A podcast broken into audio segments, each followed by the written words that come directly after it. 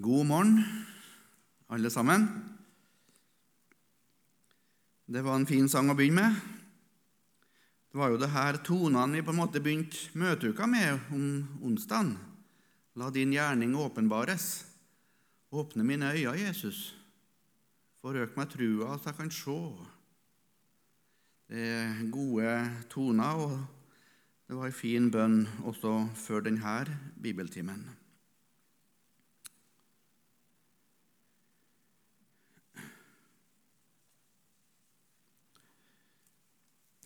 Det er ikke bestandig jeg greier å se forskjellen mellom en bibeltime og et møte. Det har vel litt med nådegave å gjøre, kanskje. Kanskje har det litt med hvordan vi sjøl er skrudd sammen. Og, men eh, vi skal nå lese fra Bibelen, i alle fall. Eh, så får vi kanskje håpe at det ikke blir en hel time, da. eh, så får vi får vi ta det derfra. Jeg har ikke noe tekst med meg i dag. Men jeg har et spørsmål. Og det jeg skal prøve å si, det er et forsøk på å gi et svar på det spørsmålet jeg har med meg.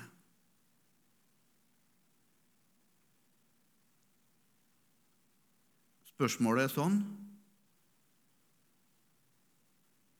Hvem tok Jesu liv?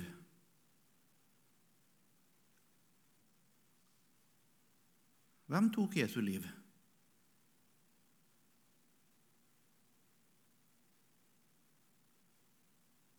Noen ganger når jeg står foran en flokk, så våkner liksom læreren i meg. Og nå har jeg, jeg har egentlig lyst Vi skal ikke gjøre det, men jeg har egentlig lyst til å dele ut lapper. Én lapp til hver enkelt av dere. Ei penn til hver enkelt av dere. Så tar vi sju minutter. Og så skriver du ned det du tenker på som svar på det spørsmålet. Hvem tok Jesu liv? Og så kunne vi brukt resten av tida fram til klokka ett og leste opp de forskjellige svarene.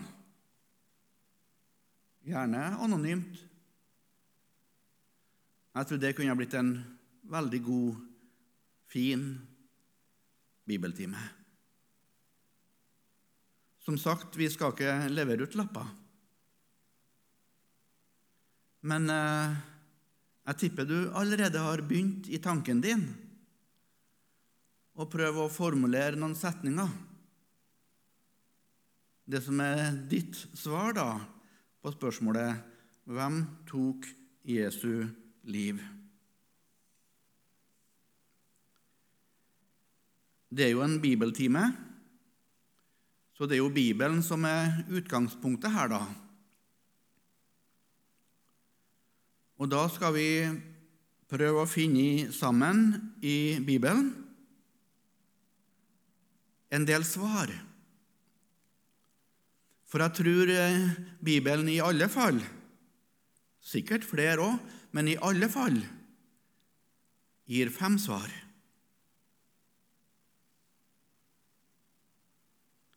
De utfyller hverandre.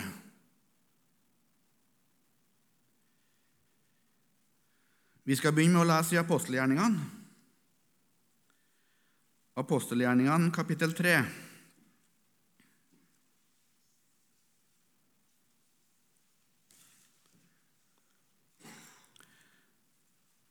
Og Vi skal lese det 15. verset. Apostelgjerningene kapittel 3 og vers 15. Bare første linja i det verset. Men livets høvding drepte dere. Hvem tok Jesu liv? Jo, det er dem som Paulus snakker til her. Nei, Peter snakker til her. Hvem snakker Jesus Paulus Nå roter jeg. Hvem snakker Peter til? Jo, det ser vi i begynnelsen av den talen der, vers 12. Da Peter så dette, begynte han å tale til folket, kolon, og så kommer de første ordene i hans tale.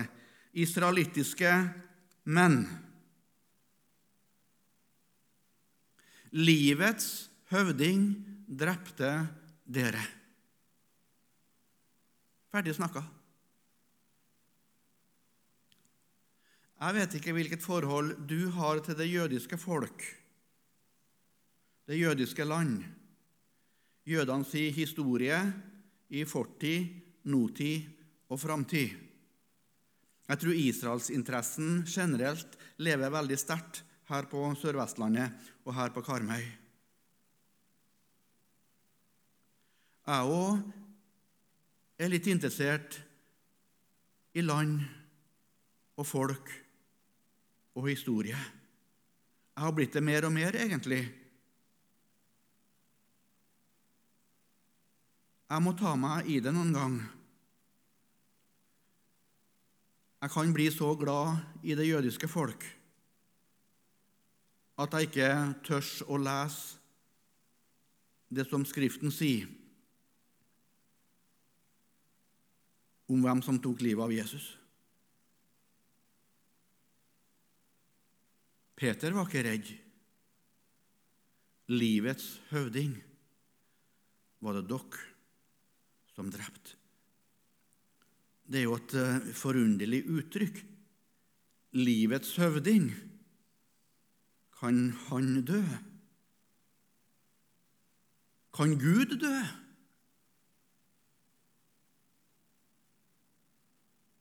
Går det an?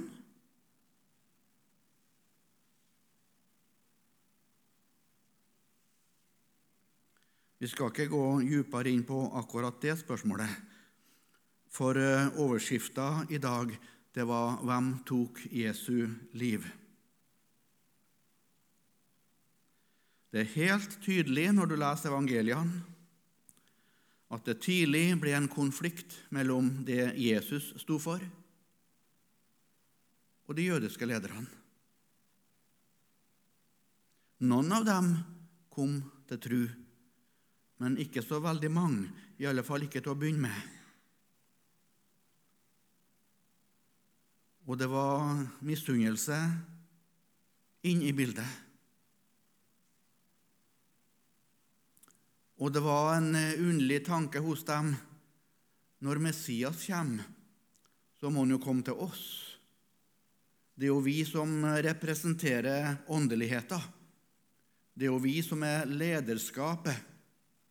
Han må jo benytte seg av oss, Messias, når han kommer. Og det faktum at eh, Jesus gikk til de fortapte får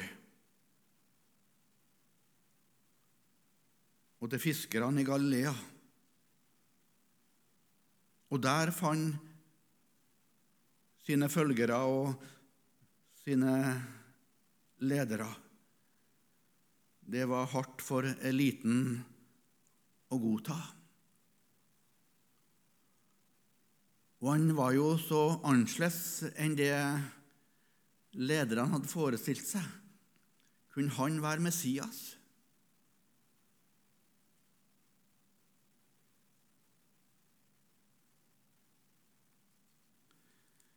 Samtidig så gikk mange rundt med en nagende følelse.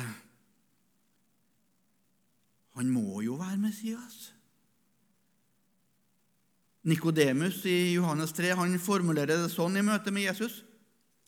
Vi vet at du er en lærer kommet fra Gud. For ingen kan gjøre de tegn som du gjør, uten at Gud er med ham.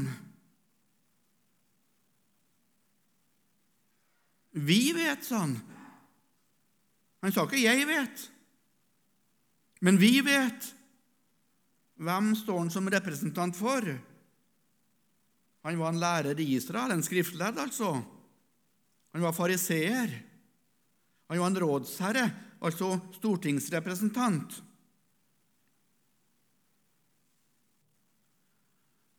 Han eh, representerte alle de tre ledende klassene i Israel. Og vi vet det, Jesus. Vi vet at du er Messias. Men eh, vi vil ikke bøye oss for det. Han var i det lille unntaket, da.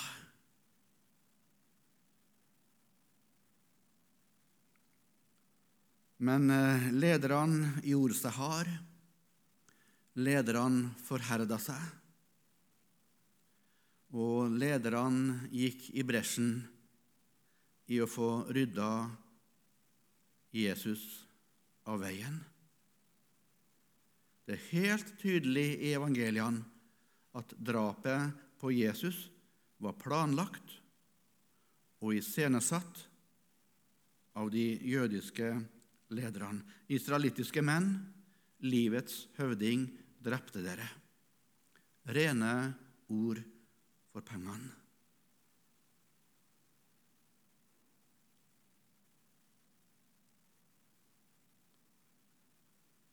Jeg sa det var flere svar på spørsmålet. Og vi må Jeg skulle til å si vi må forte oss til svar nummer to. Det var vi inne på en kveld før òg. En korrekt delsannhet. Hvis den blir utgitt som hele sannheten, da blir det veldig ofte veldig feil. Jo, livets høvding drepte dere. Men vi må si noe mer hvis vi drar fram jødene som skyldige. Derfor går vi med en gang over på svar nummer to. For sier du bare det første svaret, så da gjør du deg skyld i akkurat den samme feil som kirka her i Vesten har gjort seg skyldig i i egentlig hele kirkehistoria. Den lille setningen som igjen og igjen i middelalderen og langt opp i vår tid, faktisk, har vært gnister som har satt i gang de mest grusomme jødeforfølgelsene og pogromene og utslettelsene. Det er det lille ordet Kristusmordere. Når mobben samla seg, enten det var i Øst-Europa eller i Vest-Europa, samla stokker og samla stein og samla sverd og, og hamrer og alt de skulle bruke, og begynte å marsjere mot de jødiske kvarterene. Da var det Kristusmordere.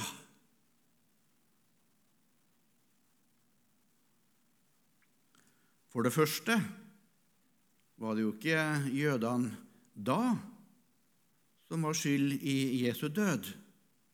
De skal jo ikke bære ansvar for fedrenes synder. Resultatet av fedrenes synder blir ofte etterkommerne til del. Synda har følger i mange generasjoner, kanskje, men de er ikke personlig ansvarlig for det fedrene gjorde. Det er ikke rettferdig. Og heller ikke alle jødene på Jesu tid var skyldige. Peter, som står og sier dette, han var jo sjøl jøde, selvfølgelig. Maria, Jesu mor, var jøde. Men det var de jødiske lederne som fikk mange av folket med seg. Israelittiske menn. Livets høvding drepte dere. Men da går vi til svar nummer to. Og da leser vi fra Markusevangeliet, kapittel 10. Markus 10, og vi leser fra vers 33. Det er kjente ord, det er kjente fasteord. Se, vi drar opp til Jerusalem, og menneskesønnen skal overgis til yppersteprestene og de skriftlærde. De skal dømme ham til døden. Det har vi snakka om nå. Men så kommer det. Å overgi ham til hedningene. Og de, altså hedningene, skal håne ham og spytte på ham, hudstryke ham og slå ham i hjel. Hedningene skal slå ham i hjel. Hedningene, det er de ikke-jødiske folkeslag. Her i konteksten, her i sammenhengen, betyr det altså romerne. For det var sånn i Israel. Det var et okkupert folkeslag. De hadde ikke full råderett i egne saker. De hadde en viss bestemmelse i mange saker. Og da var det Det høye råd, de 70 folkevalgte lederne, der Nikodemus var en av de 70. Men i de tunge, viktige spørsmålene så kunne de ikke ta avgjørelser sjøl. Det høye råd hadde ingen myndighet til å sette ut i livet en dødsdom. De kunne innad dømme en mann til døden, men den dødsdommen måtte godkjennes av de romerske okkupasjonsmyndighetene. På Jesu tid var det personifisert ved Pilatus.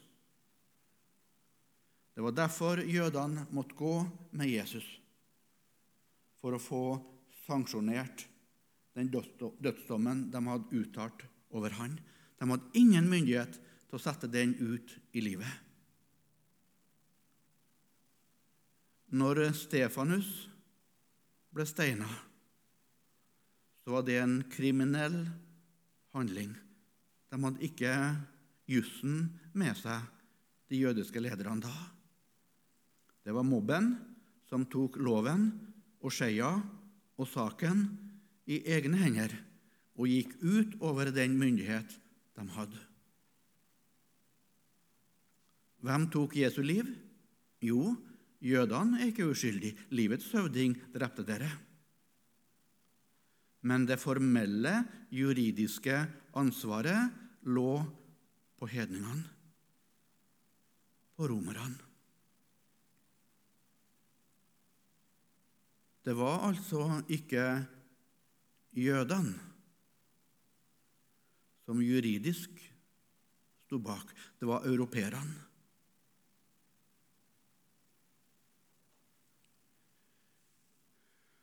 Romerne var utrolig imperialistiske. Det var veldig, veldig brutal kolonimakt. Og det var europeere, altså, det var folk som vi er i slekt med. De har ei veldig, veldig stygg historie, romerne, når det gjelder det å undertrykke også jødene. De har en veldig, veldig blodig historie, både når det gjelder jødene sitt land og jødene som folk.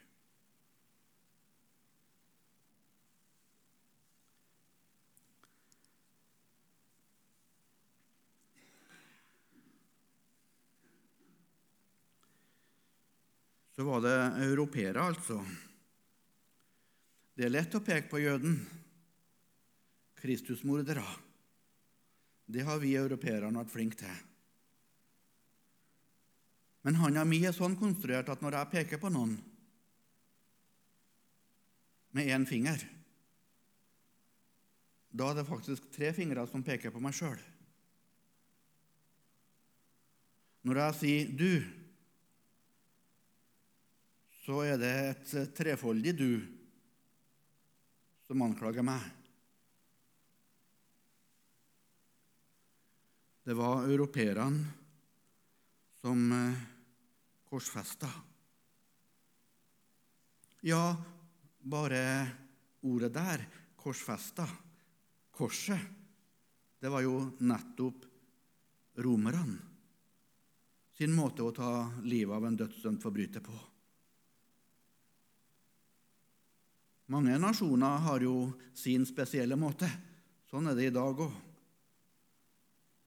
Amerikanerne har eh, giftsprøyta eller den elektriske stol. Noen land eh, praktiserer skyting. Franskmennene har hatt sin giljotin. Grekerne hadde giftbegeret.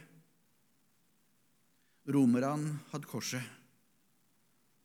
Og jødene hadde steininger. De i Norge som ble henretta etter andre verdenskrig, Quisling og Henry Oliver Rinnan og de som sto for det mest bestialske. Da var det skyting. Korset det er en europeisk oppfinnelse.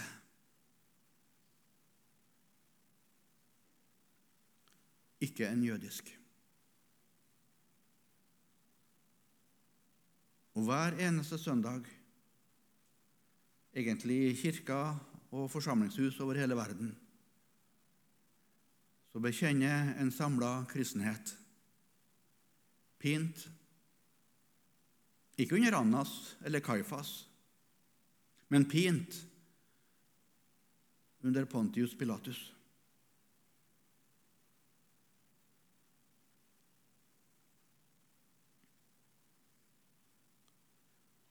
Det var altså ei romersk hand og en romersk hammer og en grov eh, romersk spiker som ble drevet inn gjennom eh, Jesu rene hender.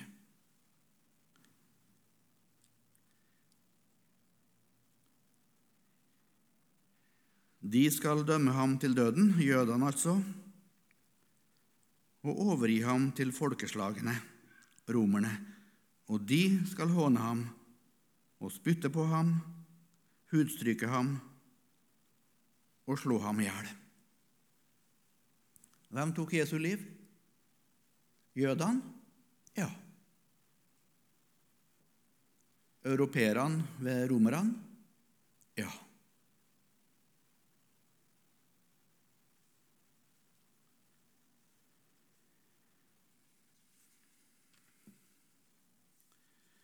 Jeg sa at det ble litt nærmere, liksom. Det ble litt mer personlig, liksom, når vi hoppa over Middelhavet og fikk lagt ansvaret også på romerne. Vi var med litt mer, vi òg, da. Vi hører med til den europeiske familien, også om vi er siste landet før Nordpolen. når vi går over til det tredje svaret som Bibelen gir. Da blir det veldig mye mer nært og personlig. For de to svarene vi har gitt nå, jødene og romerne, det er på en måte svar som ethvert advokatfirma ikke har kommet utenom hvis de har blitt forelagt spørsmålet rent juridisk i dag. Hva var det som skjedde i Jerusalem i år 33, denne påska der? Hvem var skyld i Jesu død? Hvem tok Jesu liv? Ja, de måtte ha brakt de her to svarene, én og to, på bordet. Men eh, Bibelen går djupere enn den ytre jussen. Og det er det vi ser når vi leter fram det tredje svaret på spørsmålet. Og Da skal vi lese fra profeten Jesaja, kapittel 53. Jesaja 53, og vi skal lese to første setningene i vers 5. Jesaja 53, vers 5. Du kjenner ordet veldig, veldig godt. Det er et av de klareste, sterkeste vitnesbyrdene om den stedfortredende lidelse som vi finner i hele Skriften. Jesaja er jo kalt for Det gamle testamentets evangelist. Vi leser ikke hele verset, men som sagt de to første linjene. Men han ble såret for våre overtredelser. Han ble knust for våre misgjerninger. Det lille ordet 'for' her Det kan veldig, veldig godt oversettes med 'på grunn av'.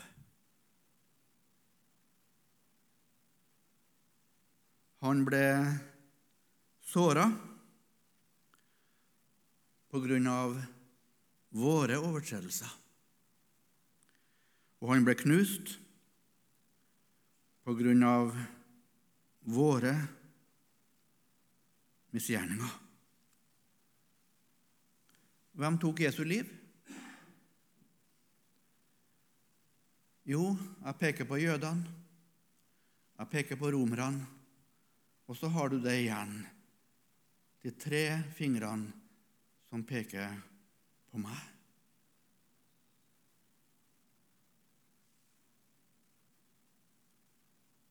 Hadde det ikke vært for mi synd, og hadde det ikke vært for de synd, så var det ingen grunn for Jesus til å komme til jord og dø på Golgata kors. Men på grunn av min synd og på grunn av min misgjerning så ble han såra. Og så ble han knust. Hvem tok Jesu liv? Jeg sto bak. Det var på grunn av ting hos meg det hele skjedde.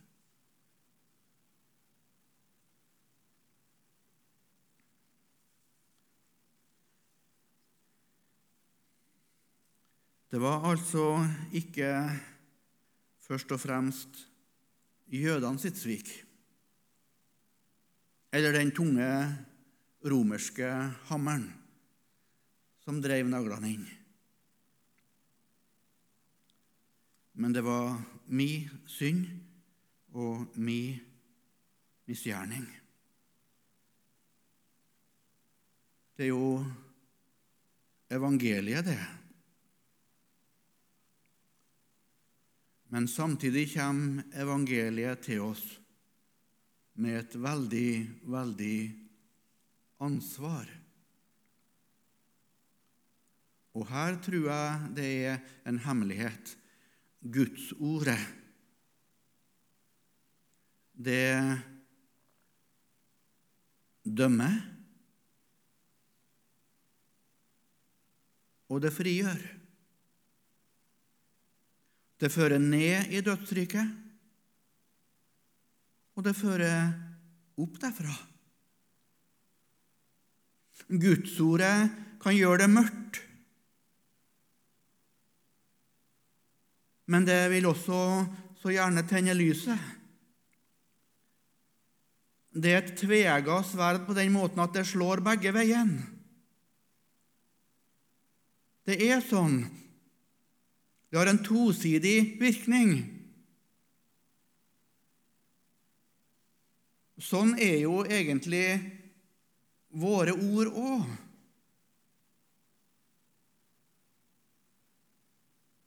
Men Gudsordet er det til fullkommenhet.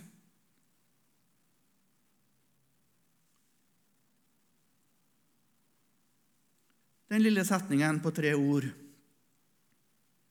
Gud ser alt. Er det et ord som dømmer, eller er det et ord som trøster?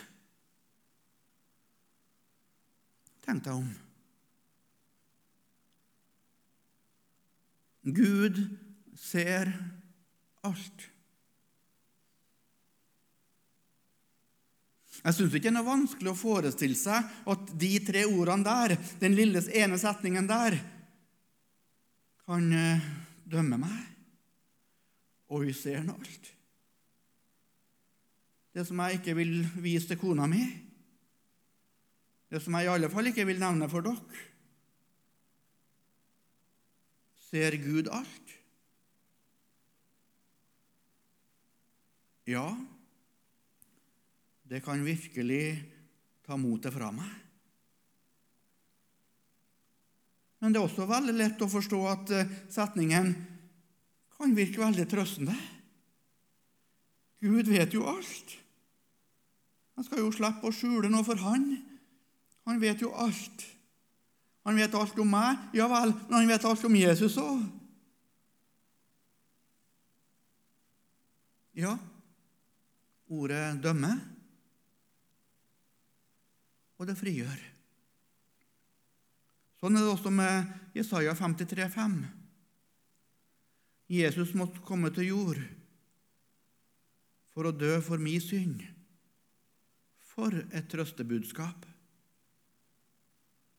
Men det er også et budskap som legger alvor, og vil legge alvor, ned i sjela. Kristian, det du driver med, det du holder på med, det kjødet ditt koser seg, koser seg med. Alt grapset og grumset, det kosta Jesu dyre blod. Det var på grunn av de synd, Kristian, at den rene måtte spikres fast til et kors. Og så kan sjølve evangeliet fordømme.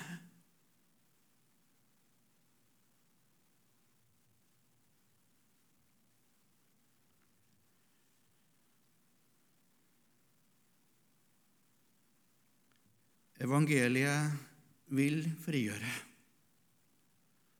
Men evangeliet vil også legge alvor ned i mitt sinn.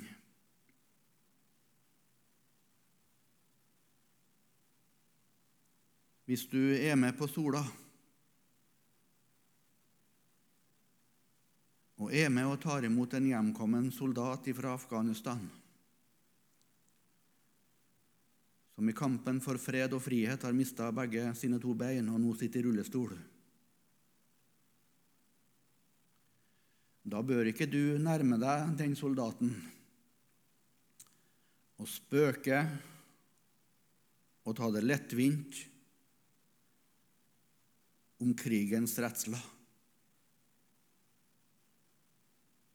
For du ser hva det kosta. Du ser offeret som ble gitt for å berge deg ifra elendigheta.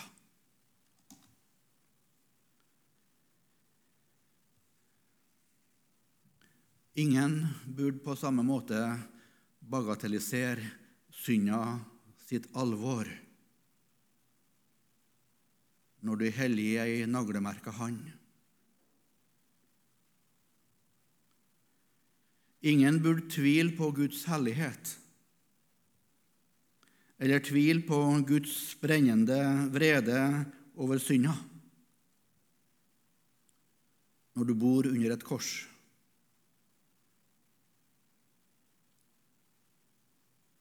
og ingen burde sitte og la seg underholde av synda eller begjæret. Når eh, den korsfestede og oppstandende inviteres til å bo i hjertet og i heim. For eh, han ble faktisk såra på grunn av våre synder. og han ble faktisk knust på grunn av eh, våre misgjerninger. Det kosta Jesu dyre blod å frelse meg en dag. Og så skal evangeliet oppdra oss til å si nei til synda. Og evangeliet, Guds nåde, det skal oppdra oss til å leve sømmelig og rettferdig og godt i den tidsalder som nå er, sier Paulus i Titus 2. Det er nådens og evangeliets oppdragende makt i en troendes liv. Det er ikke loven, men evangeliet. Hvem tok Jesu liv? Jødene? Ja. Hedningene? Ja. Kristian? Ja. Det var tre svar.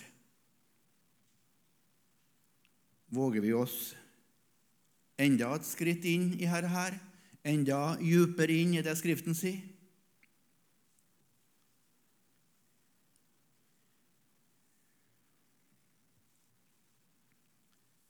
Vi trenger ikke å gå langt fra det verset vi leste. Jesaja 53 leste vi. Vi kan gå til neste vers, vers 6.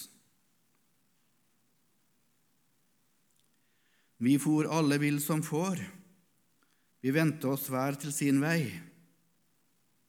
Og så kommer det. Men Herren lot den skyld som lå på oss alle, ramme ham.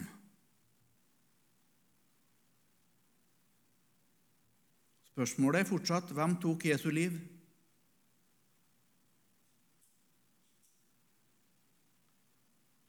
Hvem har regien på langfredag?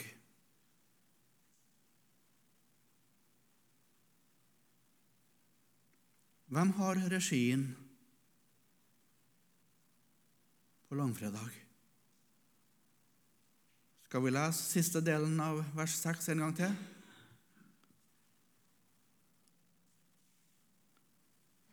Men Herren lot den skyld som lå på oss alle, ramme ham.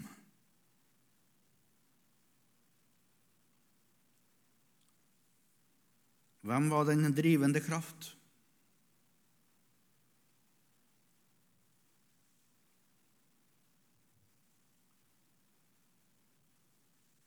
Fader, om du vil, da la denne kalk gå meg forbi. Dog skje ikke min vilje, men din.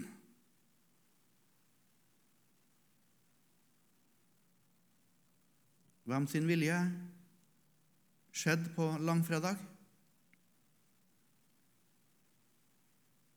Det var fars vilje.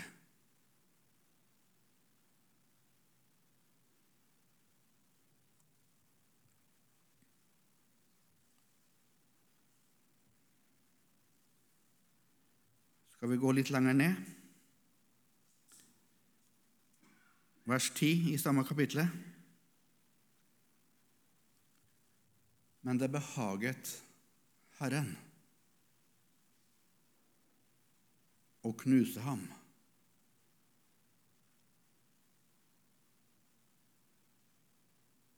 Det er nesten så jeg står her og er glad for at det ikke er barn til stede i salen.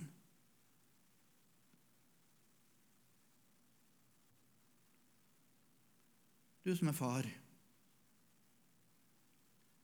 du som er mor, bestemor eller tante.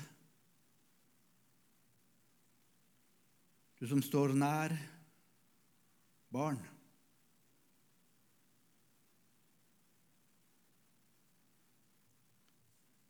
Sønn og datter, skal det behage deg å knuse dine nærmeste. Det er jo forferdelig bare å snakke sånn. Det er forferdelig å snakke sånn. Men likevel, den kjærlighet du har til dine nærmeste, den er nok veldig, veldig ufullkommen mot den evige kjærlighet far hadde til sine enbårne. Og likevel så står det sånn. Jeg må bare melde pass. Min eh, forstand greier ikke å forstå dette her. Men det er Bibelens budskap. Og vi kan godt eh, dra av oss eh, skoene nå, for nå står vi på hellig grunn. Nå er vi helt inn i kjernen i åpenbaringa. Helt inn i kjernen av evangeliet. Vi er faktisk helt inn i kjernen av farshjertet.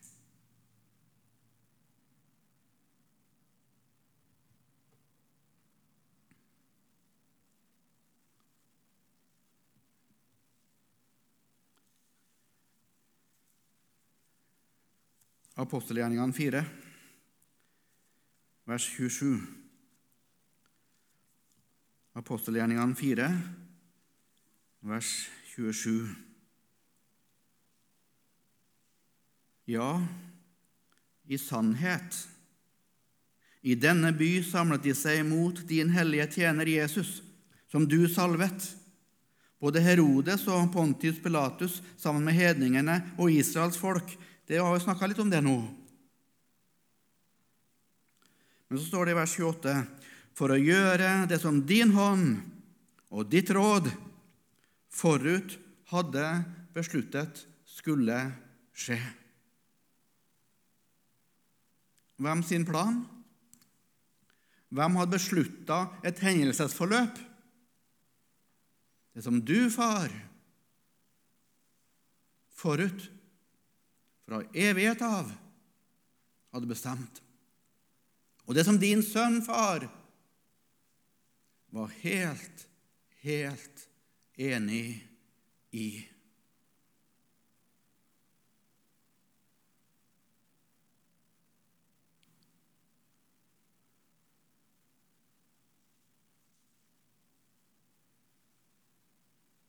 Hver gang jeg leser historier om Abraham og Isak,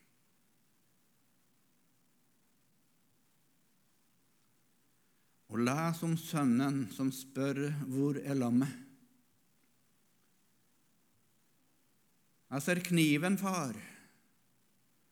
Jeg ser ilden, far. Jeg ser veden, far. Men har vi ikke glemt av en ting? Tenk du som far, hva skal du svare? Hva skal du svare sønnen din? Hvor er lammet hen? Hvor er offeret hen? Hvordan tenker du, far? Du som er far, hva har du svart?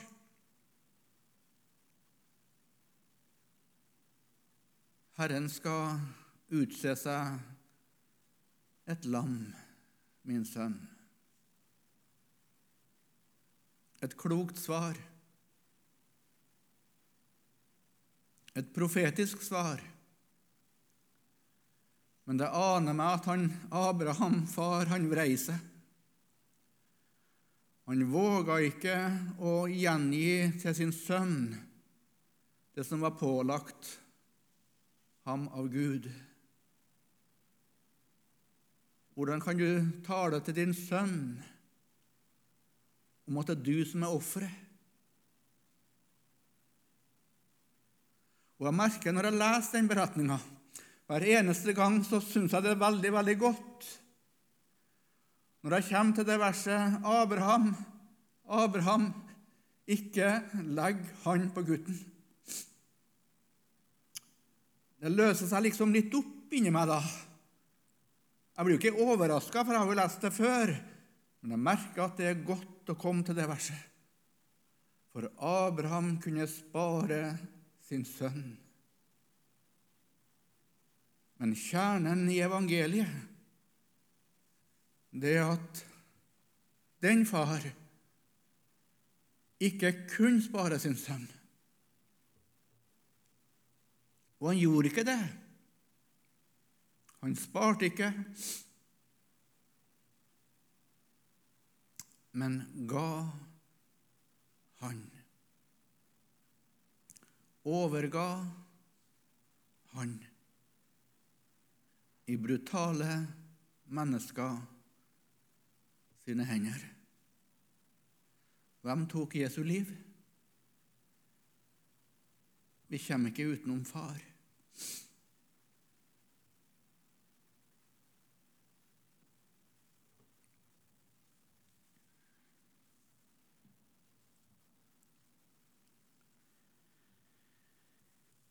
Jeg sa det var fem svar.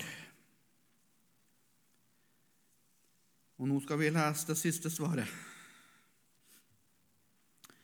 Jeg tipper mange her vet hva det siste svaret er for noe.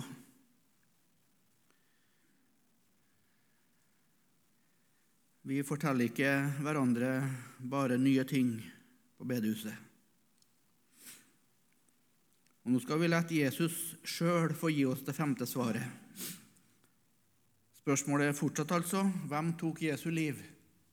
Og Vi skal slå opp i Johannes 10 og lese fra vers 17.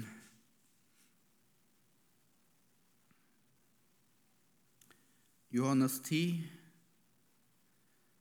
vers 17 og begynnelsen av vers 18. Derfor elsker Faderen meg, fordi jeg setter mitt liv til, for at jeg skal ta det igjen. Og så kommer det femte svaret. Ingen tar det fra meg. Jeg setter det til av meg selv. Hvem tok Jesu liv? Ingen. Ingen. Ingen tok Jesu liv. Men det var en som ga sitt liv.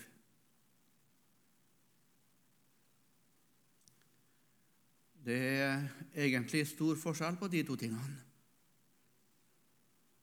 Å gi sitt liv og det å bli tatt livet av.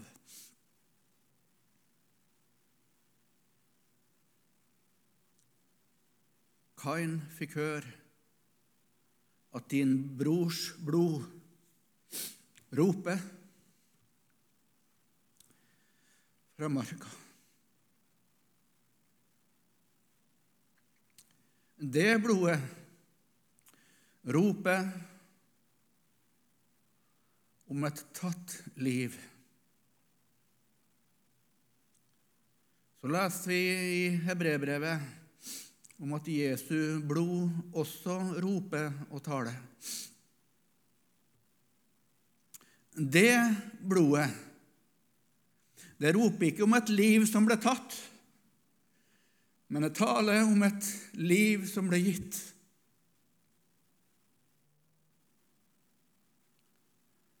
Og Forfatteren av Hebreerbrevet sier at uh, Jesu blod tar det bedre enn Abels blod. Abels blod roper om hevn. Jesu blod roper om nåde og fred og soning og forsoning. Les Jesu lidelseshistorie og se hvor genuint fritt den beretninga er ifra all tale om å ikke gi det frivillig. Det var ingen som tvinga Jesus. Se hvor fritt det er for antydninga om at Jesus uffa seg. At han egentlig ikke hadde lyst. Jo, han kjempa i Getsemane hage. Han gjorde det. Men eh, han kom seg gjennom det. Og leser du de tre bønnene som er gjengitt i evangeliene, om hva Jesus sa Det var jo en bønnekamp som gikk over tre timer. Var dere ikke i stand til å våke én time med meg? Og så gikk han bort for å si de samme ord to ganger, til sammen tre timer. Ser du hva som står, så ser du ei utvikling i hans bønn ei utvikling i det å være mer og mer overgitt til Herrens vilje. Ja. Og når han reiser seg etter tre timer Da så han seg ikke tilbake mer. Men da gikk han sine motstandere rolig og verdig i møte. veldig fritt, veldig villig, veldig frivillig. Ingen tar mitt liv. Jeg setter det til av meg selv. Og det har jeg lyst til å si til deg hvis det ikke var frivillig,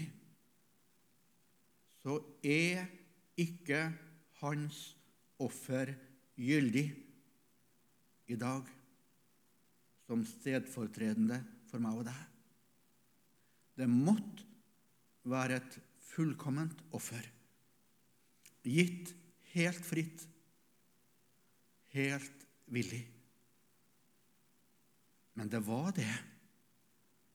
Derfor er det helt rett og helt gyldig.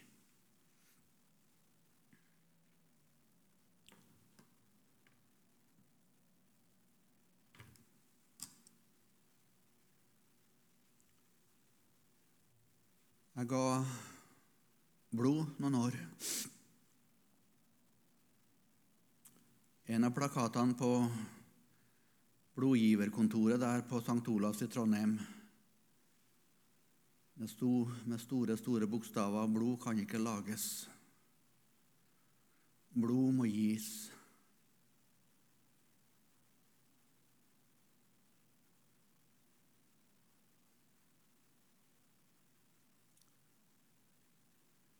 Det var det han gjorde til fullkommenhet. Hvem tok Jesu liv?